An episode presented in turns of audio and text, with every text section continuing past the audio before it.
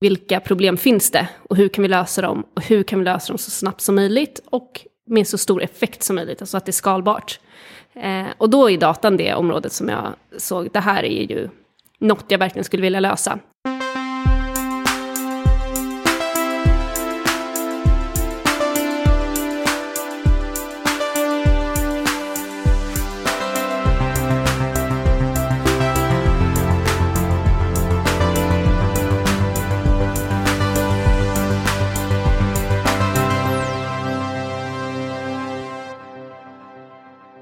Välkommen tillbaka till Heja Framtiden. Podden med mig Christian von Essen. Sitter i min kitchen studio på Roslagsgatan i Stockholm med Maria Svantemark eh, från Sustain Lab. Välkommen till podden. Tack så mycket. Du är vd och medgrundare och startade det här bolaget för två år sedan. Stämmer. Corona, coronabebis. Ehm, och tog precis ut den första lön. Grattis. Tack, tack. Milstolpe. Ja, verkligen. Jag tänkte, eh, du kommer från livsmedelsindustrin. Ska vi börja där och se hur vi kan koppla ihop det till det du gör idag med Sustain Lab? Det låter Så att man förstår låter vad det är för någonting. Ja, det tycker jag. Eh, för, för du var på Findus tidigare Ja, precis. Jag var på Findus i fyra år. och jobbade med hållbarhet. Precis, jag var hållbarhetschef först för, eller hållbarhetsansvarig först för Sverige och sen eh, var jag hållbarhetschef för den nordiska verksamheten. Och vad såg du då som var knepigt i hållbarhetsdata? Alltså, hållbarhetsarbetet har jätte, jättemånga olika områden, olika ingångar, olika linser att titta på det, mellan, eller titta på det genom. Men en sak som kommer tillbaka hela tiden är att det är fortfarande en väldigt ung bransch, om man ska kalla det det, eh, och har ganska mycket barnsjukdomar. Och när det gäller just data, så det som jag upplevde i min roll som nordisk hållbarhetschef så satt jag i ledningsgruppen för Norge, jag satt i ledningsgruppen för Sverige-Danmark och jag satt i Nordiska styrelsen. Och i varje ledningsmöte eller styrelsemöte så tittade vi på eh, finansiell data, försäljningsdata, all annan typ av affärskritisk data. Men eh, hållbarhetsdatan tittade vi på en gång årligen när vi hade gjort vår hållbarhetsrapport. Och den kom ju ut någon gång så här mars till maj. Så att delar av den datan var 18 månader gammal. Och det var den datan vi hade att fatta datadrivna beslut på, om man ens kan kalla det eh, datadrivna beslut då. Och det här kom tillbaka till mig gång på gång i de här ledningsmötena, att när vi inte har datan att titta på, så vet vi inte vad en eh, försäljningskampanj betyder för vår möjlighet att också eh, vrida portföljen i en mer hållbar riktning. Eh, vi kan inte ta med hållbarhet i beslut på samma sätt som du gör med all annan typ av affärskritisk data. Så givet detta då, vad, vad var det du ville skapa med SustainLab? Men det som jag alltid har velat skapa är förändring. Jag har varit väldigt förändringsdriven eh, egentligen hela mitt liv. Så att när jag slutade i det jobbet började jag fundera kring vilka problem finns det och hur kan vi lösa dem och hur kan vi lösa dem så snabbt som möjligt och med så stor effekt som möjligt, alltså att det är skalbart. Eh, och då är datan det området som jag, som jag såg, det här är ju något jag verkligen skulle vilja lösa. Och så träffade jag min medgrundare Kamal. Och Kamal har en bakgrund inom eh, datavetenskap. Han har eh, en PhD i eh, datavetenskap från KTH. Han har utvecklat den här typen av plattformar i tio års tid. Så han sa så här, men det här går ju att lösa med teknik, eh, modern teknik, automatisering. Eh, så det gör vi. Så att det var egentligen det, just det problemet som jag upplevde. Jag har inte tillgång till den här datan och för att få tillgång så krävs det så otroligt mycket jobb. Inte bara från mig som hållbarhetschef utan även så jag hade 200 personer i organisationen som skulle rapportera data. Ja, just det, du ska hålla på och kontakta folk och bara, jo, jag skulle behöva klimatavtryck på den här plastförpackningen som jag använde Exakt, i höstas. exakt. Eller typ förra sommaren. Och problemet där är ju också att hållbarhetsdata, det är ju allt ifrån som du säger, ja den här plastförpackningen, det är vilken typ och hur mycket energi använder vi i våra fabriker i olika länder, men det är också hur mycket antibiotika har ett djur i min leverantörskedja eh, fått under dess livstid? Var är korruptionsriskerna? Hur ser jämställdheten ut i bolaget? Eh, vilka krav sätter vi på våra leverantörer? Hur återvinns den här förpackningen efter att konsumenten har haft den hemma i sitt lägenhet eller sitt hus? Så att datan finns på så många olika platser i verksamheten. Vilket också gör att det är många som ska hantera den. Och data kan inte alla hantera. Och då blir det mycket fel, det tar mycket tid. Och därför samlade vi bara in datan en gång årligen. Och, och där var inte vi unika, utan det ser ut så för många bolag. Så just den här processen, att det är så manuellt och att resultatet blir så dåligt gör att du inte har insikt i, i effekten av ditt hållbarhetsarbete ofta nog för att det verkligen ska bli affärsdrivande. Just det. Och hur, hur går ni tillväga rent praktiskt för att samla in det här och automatisera? Ja, alltså vi jobbar med allt när det kommer till hållbarhetsdata. Så från insamlingen av det till eh, bearbetningen, analysen och visualiseringen. Och det som vi gör är att vi automatiserar det här jobbet så långt som möjligt. Vilket vi gör genom att kunna hantera många olika eh, format av data. Vi kan ta in data från Excel, pdf, manuellt men också direkt från andra system. Och från den råa datan så gör vi resten av det, eh, databehandlingen automatiskt. Så det sparar dels tiden, men det minimerar ju också risken för fel. Eh, eftersom som vi gör det här med automatik. Och då kan du ha insikt i din data så ofta som det krävs. Du kan ha det till varje ledningsmöte varje månad. Och inte en gång om året med 18 månaders liksom, timelag på den. Det måste ändå vara svårt att samordna tidsintervaller och ja men här är en Excel från Norge med eh, månadsvis och här är en pdf från Australien med kvartalsvis. Alltså det är ändå komplext att få ihop det på något sätt. Är, det det som era algoritmer tuggar igenom då? Det är det som är Eller har ni poängen. manuell påläggning också? Det beror på hur datan ser ut. Ibland behövs en manuell påläggning, men det jobbar vi ju för att ta bort så mycket som möjligt. Ehm, men det som vi gör är att oavsett formatet på data, som du säger, det kan se olika ut i olika länder. Du kan använda olika enheter. Mm. Ehm, det kan vara på olika språk. Eh, så den datan vi tar ut från rådatan kommer in i samma format i plattformen. Och då kan vi hantera den på ett automatiskt sätt. Så det är den ena delen av det vi gör, just det här sättet att hantera data så, så automatiserat som möjligt. Och den andra biten som vi gör är att vi ger företag rekommendationer om hur de ska vara bättre med hållbarhet. Och det kan vara allt ifrån vilken data som faktiskt är mest relevant att titta på, till det ser inte ut som ni kommer nå era mål, här är actions ni kan ta, till eh, benchmarks, hur står din, eh, dina mål eller, eller dina framsteg sig jämfört med konkurrenter eller standards. Eh, så vi hjälper bolagen genom, genom hållbarhetsresan för att accelerera deras hållbarhetsarbete. Och det innebär att ni vill inte vara bara en eh, system eller mjukvaruleverantör. Utan ni vill ju vara en, ett bollplank genom hela processen. Ja, men, ja och nej, för det här automatiserar vi ju också. Just eh, innan vi ses och spelar in den här kommer jag från ett eh, möte med vårt machine learning-team. Som sitter och jobbar med de här algoritmerna för att kunna automatisera det så mycket som möjligt.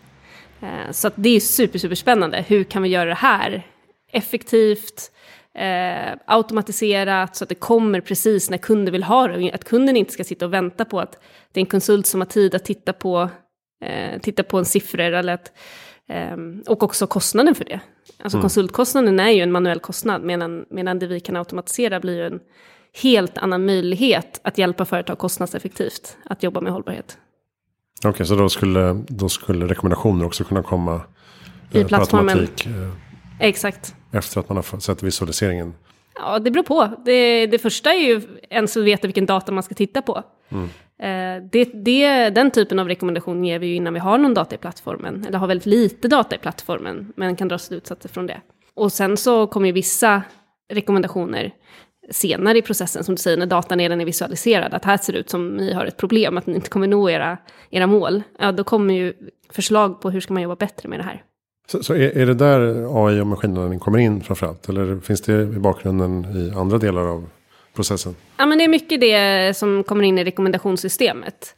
Eh, vi använder olika typer av eh, maskininlärning för att skapa de här rekommendationerna. Eh, nu, det jag satt och tittade på precis innan är liksom natural language processing och hur vi kan eh, ta ut information från olika typer av text och tal eh, mm, för att kunna göra, göra det här bättre. Och det där är ju otroligt spännande. Så jag blir eh, lika glad varje gång vi har liksom något nytt resultat att titta på. Eh, och se så här, okej, okay, vad kan vi göra med det här? Det är ju en, ja, men det är en guldgruva. Men det är svårt att komma fram till guldet. Men jag tänker också att bara att få visualiseringen i sig måste ju vara väldigt eh, användbart för att skapa förståelse var man är någonstans. Och, alltså att man ser tydliga paj-diagram plötsligt som man inte har haft förut. Ja, absolut. Alltså det hjälper ju väldigt mycket med att se storheten i saker, vad är viktigt, vad är inte viktigt, var ska vi börja fokusera. Att kunna byta typ av visualisering så att den passar den specifika typen av data bäst. Och det här är ju något, alltså en av de första kunderna vi började jobba med. Eh, när vi hade, då var hela produkten bara en dashboard. Det var allt vi hade, vi hade bara en visualisering, resten var manuellt. Och när han såg det var han jättenöjd. För han hade aldrig sett ett diagram på sin hållbarhetsdata innan. Och han mm. tänkte så här, det här är hela produkten. Så, så nej, alltså nu har vi ju jobbat då i tre veckor för något eh, som jag hade kunnat göra i tre timmar på, i Powerpoint för dig. Så det är inte det här vi ska hålla på med. Men just för att visualiseringen är så viktig för att snabbt kunna fatta beslut. Det tänker jag är en viktig nyckel för eh, även privathushåll. Och om man nu ska få till eh, breda beteendeförändringar i både företag och bland konsumenter. Alltså att bara det att man ser sin elförbrukning. Mm. Eller sin konsumtion. Eller återvinning. Eller vad som helst. Kan jämföra det månad till månad. Jämföra med grannen. Alltså det blir ju roligare och förmodligen väldigt mycket mer effektivt. Mm. Alltså elförbrukning som du säger nu efter prissättningen som har varit den här vintern. Så tror jag mm. att det är mm. många som har tittat ganska mycket på sina eldiagram. Eh, och också som du säger, så här, ja, jämför med grannen, det är också, du kan skapa ganska hälsosam konkurrens genom att se att okej, okay, det är uppenbarligen några som presterar väldigt bra och några andra som kanske presterar mindre bra som skulle kunna jobba lite bättre med det här. Jag träffade ju Einar Bodström från Climate View. Mm. Som ju också gör en sån här eh, SAS-tjänst för kommuner och städer. Alltså att få dem att analysera och tolka sin eh, hållbarhets och klimatdata. Skulle ni kunna också gå åt det hållet? Alltså gå ännu bredare från eh, företagssidan till, till offentlig sektor eller kommuner? Absolut. Alltså det är ingenting som begränsar produkten att jobba med företag. Vi kan jobba med vilken typ av, vilken typ av organisation som helst. Sen det Climate View gör är något annorlunda, till exempel från att titta på klimatfrågan specifikt. Mm. Eh, vi tittar på allt inom hållbarhet. Eh, och det är väldigt viktigt för att frågorna är så sammankopplade. Alltså nu klimatfrågan är, får äntligen välförtjänt medialjus och det ska den ha, för det är ett otroligt akut problem som vi måste verkligen jobba mycket, mycket hårdare med än vad vi gör eh, som samhälle idag. Men vi har ju andra problem som är lika viktiga. Alltså personligen så är jag mer orolig för biodiversitetsförlusten vi ser nu. Mm. Att vi är i det sjätte massutrotandet av arter och att artdöden inte skett så här snabbt sedan dinosaurierna dog för 65 miljoner år sedan. Det står det inte lika mycket i media om. Och de här problemen är otroligt nära sammankopplade. Och det är därför det är viktigt att också titta på datan integrerat. Eh, så att vi gör ju lite annorlunda än vad Climate View gör, men de gör ju supercoola grejer. Eh, och alla kommer behövas. Det kommer behövas så många lösningar inom det här området, för att allt passar inte till alla. Eh, så att absolut kan vi gå mot, mot eh, andra typer av organisationer och offentlig sektor. Men eh, vi gör inte exakt samma som Climate View, och de behövs för det de gör. Ja, just det. Och ni skulle också kunna koppla på företagens kunder, alltså som vi säger hushållen då till exempel. Mm. Och det har vi jobbat faktiskt i en eh, pilot med ett bolag. Mm. Att titta på hur skulle vi kunna använda användningsdata när faktiskt deras produkter används. Eh, som då till stöd i deras produktutveckling. Men eh, och vilken roll ser du då att näringslivet har i den hållbara omställningen? Men näringslivet är ju otroligt central. Men det är också politiken och det är också privatpersoner och civilsamhälle jag tror också man måste se det, systemförändring är inte linjärt, utan alla aktörer påverkar varandra. Alltså ser vi de här tre aktörerna, näringsliv, politik och civilsamhälle eller individer, ja, eh, politiken sätter ju ramar och spelregler och eh, subventionerar eller beskattar eh, produkter och tjänster. Och det påverkar ju både privatpersoner men också företagen, vad de producerar. Men samtidigt är det ju vi privatpersoner som väljer vem som, som sitter med regeringsmakten. Och vi kan också samordna oss i intresseorganisationer och bedriva lobbyverksamhet. Och samma sak har vi ju en konsumentköpkraft. Om vi väljer att inte handla på något företag så kommer det företaget så småningom inte finnas kvar. Och sen så företagen påverkar ju också absolut politiken med sin lobbyverksamhet. Men också vilket utbud finns det att handla för oss, oss eh, som privatpersoner. Så jag tror att man måste se den här systemförändringen just som ett system och inte linjärt. Men sen också se att ja, men det är mycket som behöver göras. Politiken skapas inte i ett vakuum. Vi kan inte bara skapa nya lagar och regler, eh, utan politiken befinner sig i ett samhällssammanhang. Eh, och det är ju vi också som privatpersoner. Det går inte att säga till folk att se till att bli lite mer hållbar, för att det är också väldigt svårt, nästan omöjligt skulle jag säga, att leva hållbart idag, för samhället är inte uppbyggt efter det. Mm. Eh, så att vi måste se till att förändra på alla de här delarna samtidigt. För företagen måste det här vara viktigt i förlängningen för hållbarhetskommunikationen och hållbarhetsrapporteringen förstås. Mm. Eftersom de inte har haft den här typen av samordnande verktyg tidigare. Nej, absolut. Och där kan man ju också fråga sig, kommer vi som konsumenter vara nöjda med att ett bolag gör en hållbarhetsrapport en gång årligen på 40, 50, 60 sidor där vi ska sitta och förstå deras verksamhet? Nej, det kommer vi inte. Vi kommer behöva vilja ha den här informationen i köptillfället. Och då måste ju bolagen ha tillgång till datan mycket, mycket oftare. Så att det sker en otroligt snabb förändring och det ser ju företagen också. De förstår ju också att det räcker inte att göra det här en gång årligen. Eh, nu, många av, av de kunderna och potentiella kunder vi pratar med vill ju kunna göra det här på kvartalsnivå eller, eh, eller månadsvis. Då går det inte att sitta i Excel och samla in pdf-fakturer från runt om i hela din verksamhet, utan då kommer du behöva ett, ett stöd i det här. Så det sker ju väldigt, väldigt mycket utveckling nu, men det är positivt, det behövs. Mm. Och, och, ni jobbar lite, lite distribuerat, utspritt, som jag förstår Hur många är ni ungefär idag? Ja, det beror lite på hur man ser det, eftersom vi eh, jobbar lite så distribuerat och utspritt.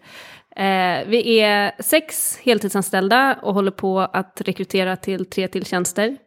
Eh, de flesta av oss bor i Stockholmsområdet, eh, men en tjej bor i Indien. Vi har också eh, en av våra anställda, hon, eh, hon är spansk, från Norska, jobbade i Spanien när hon började jobba för oss. Och sen eh, skrev hon till mig så här, du, eh, jag flyttar till Sverige på lördag. Okej, okay, ja välkommen, men du vet, det är inte bara att komma till Stockholm och fixa en eh, lägenhet och så. Men det är klart att du ska komma hit om du vill. Ah, inga problem, och hon kom hit, fick ju en lägenhet på en vecka, och som bott här, var inte jätteförtjust i svenska vintern. Så då sa hon, nej nu åker jag till Spanien ett par månader, men jag kommer tillbaka någon gång i april eller maj. Och det tyckte jag var en så himla härlig inställning, att hon bara förutsatte att det inte skulle vara något problem, och det är det inte. Hon får jättegärna bo i Spanien delar av året och i Sverige delar av året, för att vi får det ju att funka. Eh, och samma sak att ha anställda i Indien, ja det funkar också tydliga, tydliga ansvarsområden och också vi har ju verkligen nytta av att, att eh, är ett värderingsdrivet bolag. Alla vill ju det här. Alla vill ju att det ska bli bra. Mm. Och då tar man ju ansvar och driver framåt. Det känns som att eh, det här med SaaS, alltså software as a service, är väldigt hett just nu. Eh, det är väl en naturlig liksom, samhällsutveckling, alltså tjänstifiering av, av tidigare ganska krångliga processer och produkter. Mm. Och Stockholm är hett på det här. Hållbarhet, hett. Eh, är ni liksom på rätt eh, plats vid rätt tidpunkt känner du? Ja, det tycker jag. Alltså Stockholm har väl känts ganska dödstrist. Men det har väl det gjort överallt de senaste två åren. Så jag ser fram emot att Stockholm ska, eh, det ska bli lite mer socialt igen. Men absolut, alltså hållbarhet, det är ju otroligt välbehövligt. Att det får ett, ett uppsving. När jag började jobba med hållbarhet 2015, eftersom jag också jobbade i livsmedelsindustrin då, kunde jag ju få frågor som, jaha, hållbarhetschef, är du liksom som typ hur eh, mjölken ska hålla längre i kylen? Bara, Nej, det, det, är inte vad jag är ansvarig för. Och det låter som ett skämt idag, men det här var sju år sedan, det är inte så länge sedan. Mm. Nu tror jag ingen frågar en hållbarhetschef vad, eh, vad den gör på det sättet. Bäst före-ansvarig. Exakt. Eh, så visst känns det, det känns ju absolut, det händer, rör på sig otroligt mycket. Det är väldigt spännande bolag som, som startas. Och det finns en väldig framåtdriv, framåtanda och också en vilja att göra rätt saker. Det tycker jag känns väldigt kul. Jag brukar fråga, vad är ditt bästa tips för att göra världen bättre i framtiden?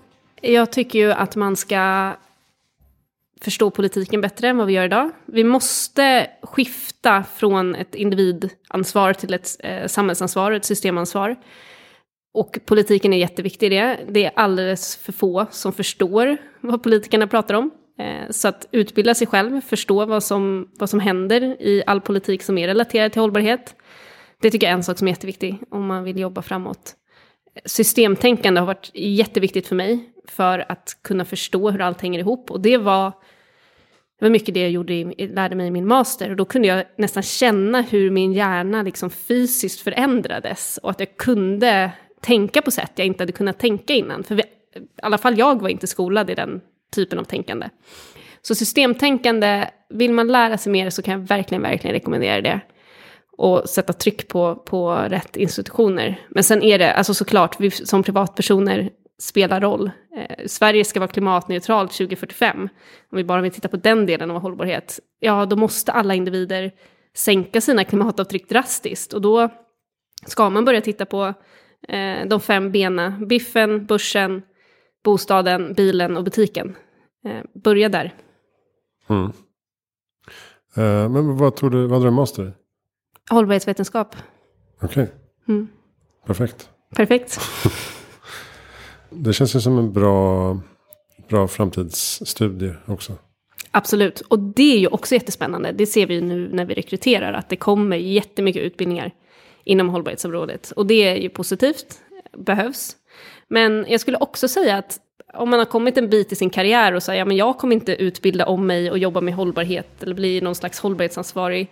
Nej, det behövs inte, men jobba för ett bra företag eller organisation. Är du världens bästa säljare, fortsätt vara det. Men var det för ett företag som producerar bra saker. Var inte det för ett bensinföretag till exempel. Jag kan ibland, det låter jättefånigt, men ibland kan jag bli förvånad över folk som startar nya företag utan någon som helst tanke på eh, hållbarhet till exempel. Mm. Alltså, ja, det är så himla kul, nu, nu kan jag äntligen berätta, nu hemligheten. Vi ska starta en ny byrå typ, Mm. för reklam, kommunikation. Man bara, men hur ska det bidra? Eller det, det, i, min, i mitt huvud så känns det så, nu är det så självklart att alla nya idéer måste vara någonting som bidrar till någonting positivt. Men det är tydligen inte, inte alls så. Nej men jag håller med. Alltså för mig, det är min absolut viktigaste drivkraft. Det liksom formulerade jag för mig själv för några år sedan. Så här, ja, men jag ska jobba som förändringsagent för hållbarhet och jämställdhet, som är mina hjärtefrågor. Jag har så svårt att förstå varför man är intresserad av att göra skit. Och jag tror att det är så många som gör det. Jag kan tänka sig, vad är motivationen i det här?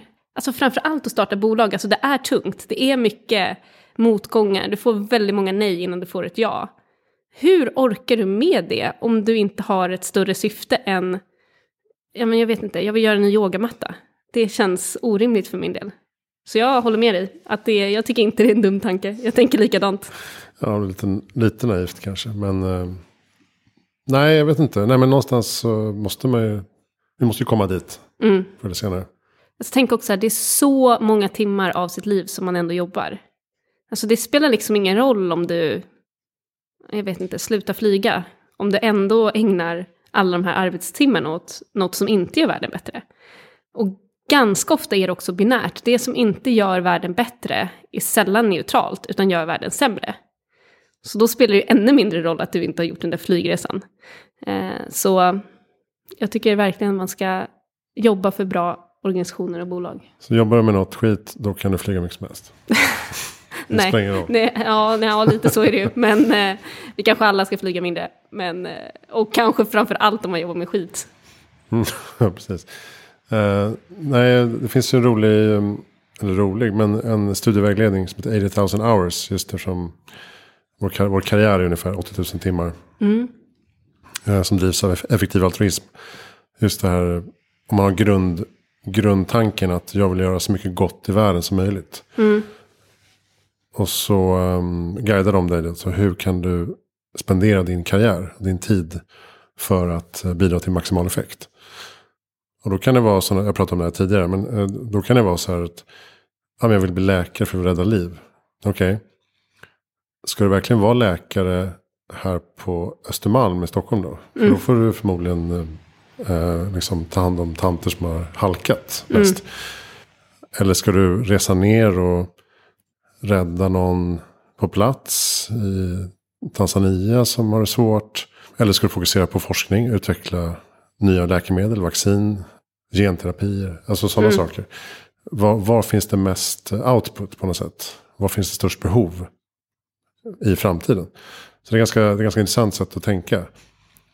De kan också, de kan också vara så här, ja, klimat, klimatforskning vad ägnar åt. Okej, okay, finns det en brist på klimatforskare som säger vad som är problemet? Nej, det är inte riktigt där det är liksom. Nej, just det. Det kanske finns något annat forskningsområde som är mycket mer eftersatt. Typ biodiversitet. Vad sa du? Ja, typ bi biodiversitet. Ja, exakt. Nej, men sådana saker. Det är rätt kul att grotta in sig där och se hur, hur de tänker och resonerar. När man eh, tänker eh, maximal effekt. Ja, alltså det är jättespännande att du säger det. För att jag gick igenom en sån process innan, innan jag och Kamal startade Sustain Lab. Som handlade om just att här, identifiera, men vilka områden ser jag behövs förändras inom hållbarhet. Dataområdet och att ha kontinuerlig insikt i ens påverkan som bolag, mm. ett av dem. Men det finns ju andra stora problem, till exempel organisatoriska problem. Eh, hur är organisationsstrukturerna uppbyggda för att främja hållbarhet? I många fall inte alls. Hur belönar vi folk i organisationen? Ganska ofta inte baserat på hållbarhet. Eh, så det finns ju många problem och där funderar jag också på så här, vad kan jag göra som är skalbart? Det var också därför som jag, eh, en anledning till att jag valde att lämna mitt tidigare jobb, att jag kände att jag kan inte jobba med ett företag i, i taget, det går för långsamt. Jag måste ha större eh, påverkan än det här. Eh, så att jag gick igenom lite den processen, fast utan att veta att det var en teori bakom. Mm, just det. Jag ska bara flika in att den här är nu, finns nu på svenska i en lite nedbantad version tror jag. På effektivaltruism.org slash karriärguide. karriärguide. Där kan man just gå igenom de här frågorna som 80,000 hours har tagit fram. Karriärguide för världsförbättrare heter den. Pretentiöst namn, men också en väldigt viktig fråga. ja. Ska jag gå in och kolla på sen. Ja, precis. Har ni bra lästips eller poddtips? Du pratar om systemtänk. Har ja. några roliga böcker på det?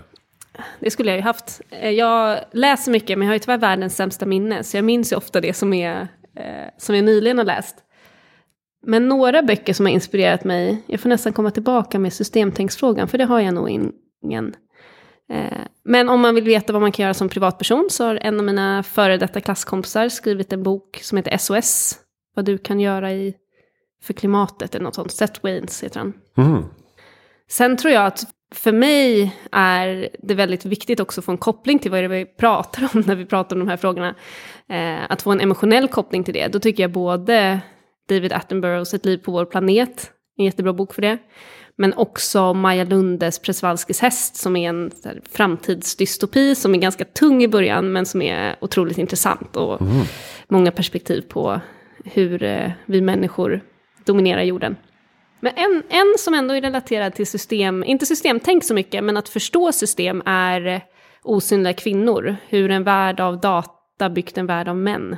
Eller byggt Aha. en värld för män, eller något sånt.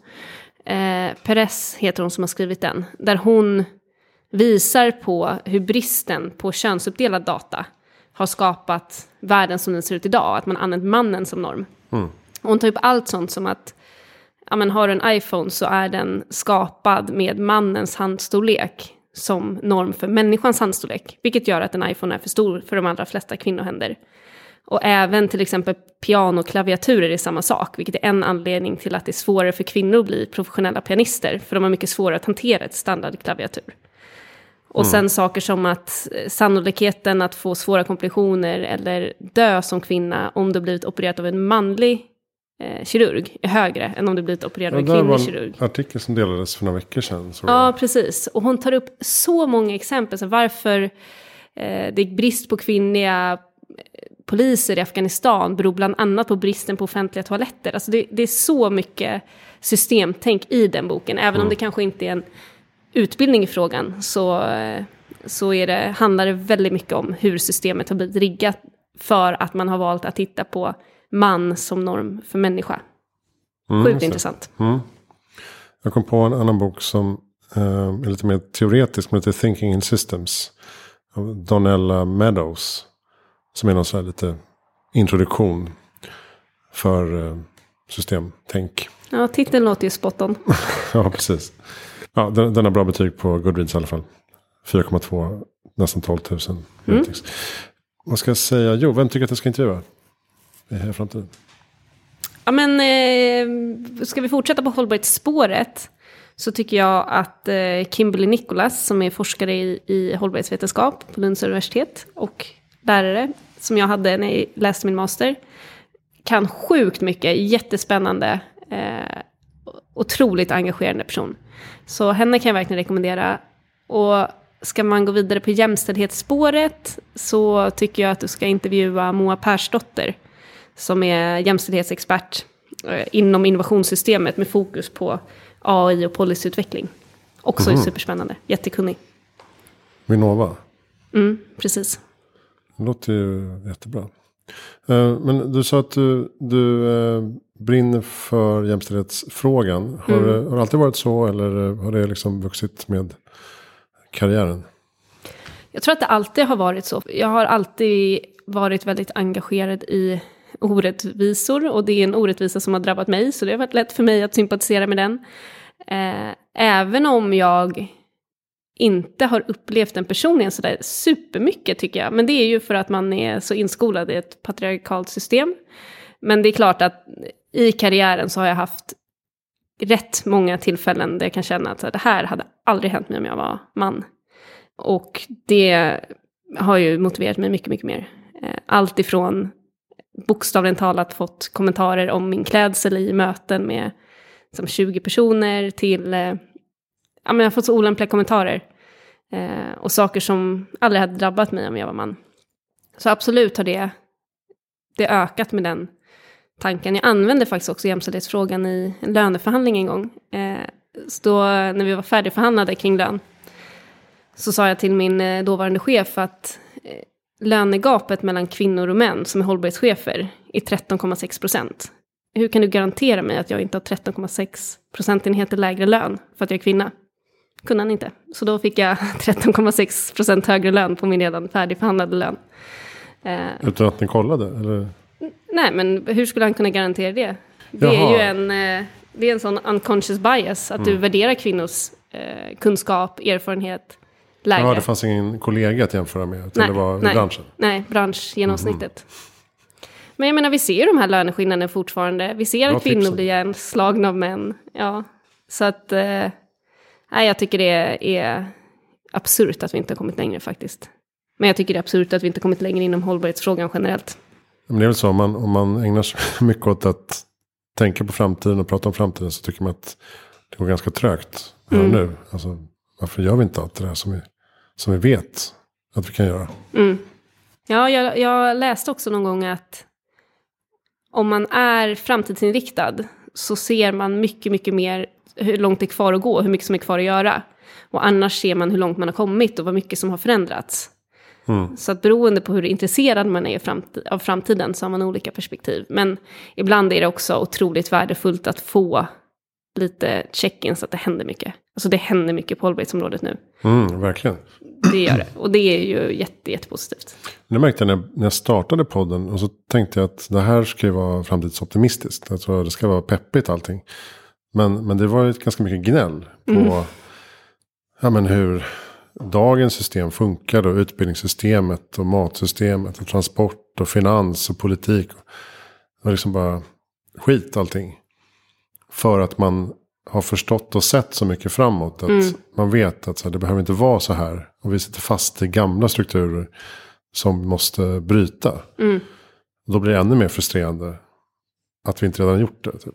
Så det, det tycker jag var, det, det var en intressant insikt. Att bara för att man är framtidsoptimistisk behöver inte betyda att man tycker allt är toppen här och nu. Nej, verkligen inte. Men en sak som jag tycker, nu kanske inte jag räknar mig till skaran som är framtidsoptimister varje dag i alla fall. Men en sak som jag tycker verkligen hjälper mot att bli, se helt dystopiskt på framtiden är att jobba för en bättre framtid och jobba tillsammans med andra som jobbar för en bättre framtid. Det är också otroligt motiverande att veta att okej, okay, men vi lägger all vår tid, all vår energi på att lösa datafrågan när det kommer till hållbarhet. Och jag gör det med ett fantastiskt team som driver på och är så engagerade. Jag kunde inte haft bättre folk runt mig. Samtidigt så vet jag att men det är andra som jobbar för att ta fram vaccin mot covid så att jag ska kunna gå ut i samhället igen. Eller som jobbar för att vi ska förstå mer om demenssjukdomar. Eller som jobbar för, you name it, som jobbar för något bra. Att man behöver inte göra allt själv och det är peppigt att se att det drivs på på alla fronter. Mm. Det gäller bara att man eh, ser de nyheterna också, tar till sig dem. Mm. Framstegen. Mm. Inte fastnar i, i domedags-scrollandet. Nej, det har du helt rätt i. Eh, tack snälla Maria Svantemark för att du kom till Hela Framtiden. Tack själv. Eh, sustainlab.co. Co. Stämmer, sustainlab.co. Och eh, vad är planerna framöver nu då? Bara fortsätta och växa teamet? Växa teamet, vi ska rekrytera som sagt nu. Så alla som är duktiga på hållbarhet eller utveckling eh, eller affärsutveckling är välkomna att höra av sig. Vi, eh, det går ju jättesnabbt i produktutvecklingen. Vi utvecklar mycket och nya moduler. Eh, och såklart titta på en, en ökande kundstock. Så att alla bolag som också känner att de har, behöver hjälp med den här frågan, de är väldigt välkomna till oss. Mm. Hjälper vi dem. Bra. Då var det allt för idag. Framtiden.se som vanligt med alla intervjupersoner och mina magasin som jag gör som heter Framtidens hållbara matsystem. Och eh, är ni intresserade av kopplingen där digitalisering och eh, hållbarhet och framtidsoptimism så kan jag rekommendera boken Nu fattar jag som jag skrev tillsammans med Henrik Smolak här från Under 15-podden. Eh, finns ute nu som eh, fysisk bok och som ljudbok på Storytel och de andra plattformarna. Eh, på nufattarjag.se kan man köpa större mängd med rabatt till företaget. Jag heter Christian von Essen. Tack för att du lyssnar på Heja Framtiden.